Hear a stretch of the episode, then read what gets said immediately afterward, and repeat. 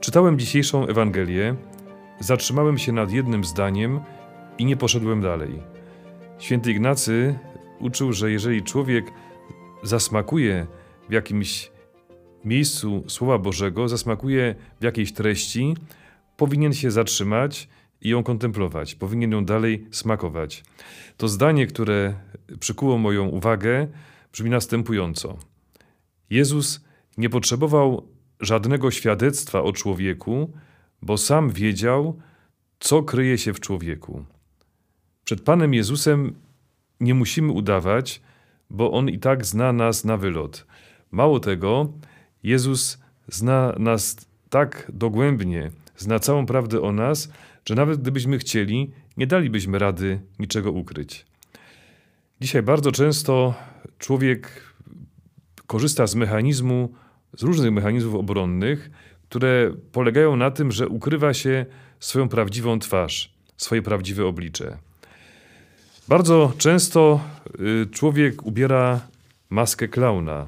Zakłada maskę, a pod tą uśmiechniętą maską kryje się twarz smutna, y, przygnębiona, bardzo często wyrażająca rozczarowanie życiem. Skąd ta maska? Dlaczego? Żeby przetrwać, żeby przeżyć. Boimy się odrzucenia. To jest chyba pierwszy motyw, który nas skłania do zakładania maski. Boimy się, że gdy pokażemy swoją prawdziwą twarz, wtedy nas odrzucą. Jeden z najwybitniejszych filozofów, y, prekursor egzystencjalizmu, dla mnie chyba, myślę, że rzeczywiście może nawet najwybitniejszy filozof współczesny, Syren Kierkegaard, kiedyś napisał takie wspomnienie. Właśnie wróciłem z miejsca, w którym byłem duszą towarzystwa. Opowiadałem dowcipy. Wszyscy się śmiali. Świetnie się bawili. Ale myślami byłem bardzo daleko, na końcu świata. Wyszedłem stamtąd i chciałem się zastrzelić. Takie doświadczenie y, filozofa y, być może jest bliskie jednemu z nas. Moi kochani, Jezus zna całą prawdę o nas. Popatrzmy, kiedy mówi Natanaelowi, ty jesteś prawdziwym Izraelitą, w tobie nie ma podstępu. Ten jest zaskoczony, przecież widzisz mnie pierwszy raz, my się nie znamy. A Jezus mówi, widziałem cię pod drzewem figowym, zanim zawołał cię Filip. I to mu dało do myślenia, przecież jak to? Skąd Jezus wie, co przeżywa, jakie jest jego życie? Samarytance przy studni. Jezus mówi, być może specjalnie używając takiego fortelu, przyprowadź tutaj swojego męża. Ona mówi, no ja nie mam męża. Dobrze powiedziałaś. Miałaś pięciu mężów, a ten, z którym teraz żyjesz, nie jest twoim mężu, mężem, więc powiedziałaś prawdę. Przy, przy uzdrowieniu paralityka Jezus mówi, pyta zebranych, dlaczego złe myśli nurtują w waszych sercach. Tylko niektóre przykłady z Ewangelii, które potwierdzają to, że Jezus zna całą prawdę o nas. Moi drodzy, bardzo często boimy się odkryć prawdę, dlatego że z jednej strony mogą nas czekać jakieś nieprzyjemne konsekwencje, ale przede wszystkim przyczyną jest to, co powiedziałem na początku. Przyczyną odkrycia, przyczyną lęku przed ujawnieniem prawdy, przed szczerością, przed pokazaniem swojego prawdziwego oblicza jest najczęściej lęk, że będzie się odrzuconym. Czytałem kiedyś takie opowiadanie, bardzo piękne, proste, ale wyrażające głęboką prawdę. Na podwórku bawi się dwoje dzieci, siostrzyczka i brat. Chłopak ma proce, strzela z niej na prawo, na lewo i tak się złożyło, że niechcący trafił w kaczkę.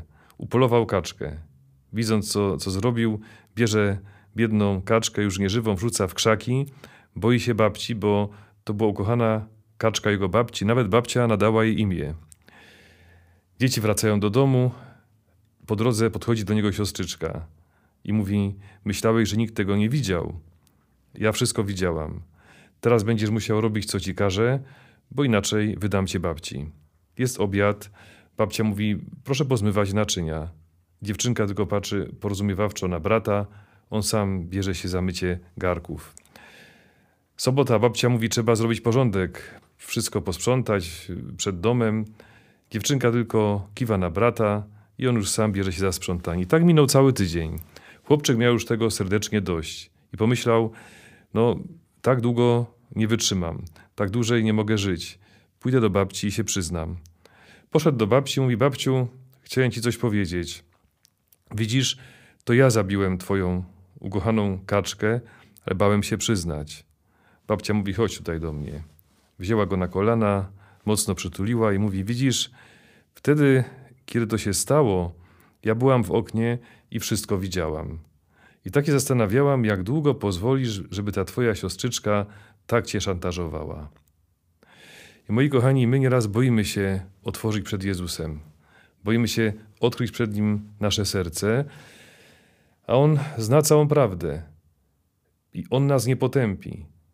Moi kochani, to jest właśnie największa radość, która płynie z tej dzisiejszej Ewangelii i to, co mi dało zatrzymanie się nad tym słowem.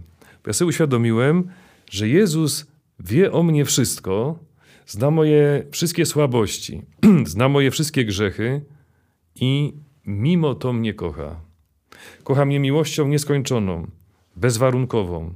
Nie jest jak niejeden rodzic dzisiaj, który kocha swoje dziecko za osiągnięcia. Będziesz się dobrze uczył, będziesz przynosiła dobre oceny, będziesz grzeczna, damy Ci odczuć naszą miłość. Damy Ci odczuć, że nam na Tobie zależy.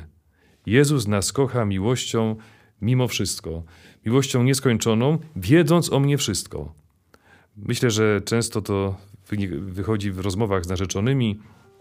Proszę księdza, no nie wiem co robić, bo bardzo kocham moją dziewczynę, y, bardzo mi na niej zależy, a mam tak, w historii taki moment, no, że boję się powiedzieć. Nie wiem, jak to zrobić. Czy, on, czy ona mnie nie odrzuci?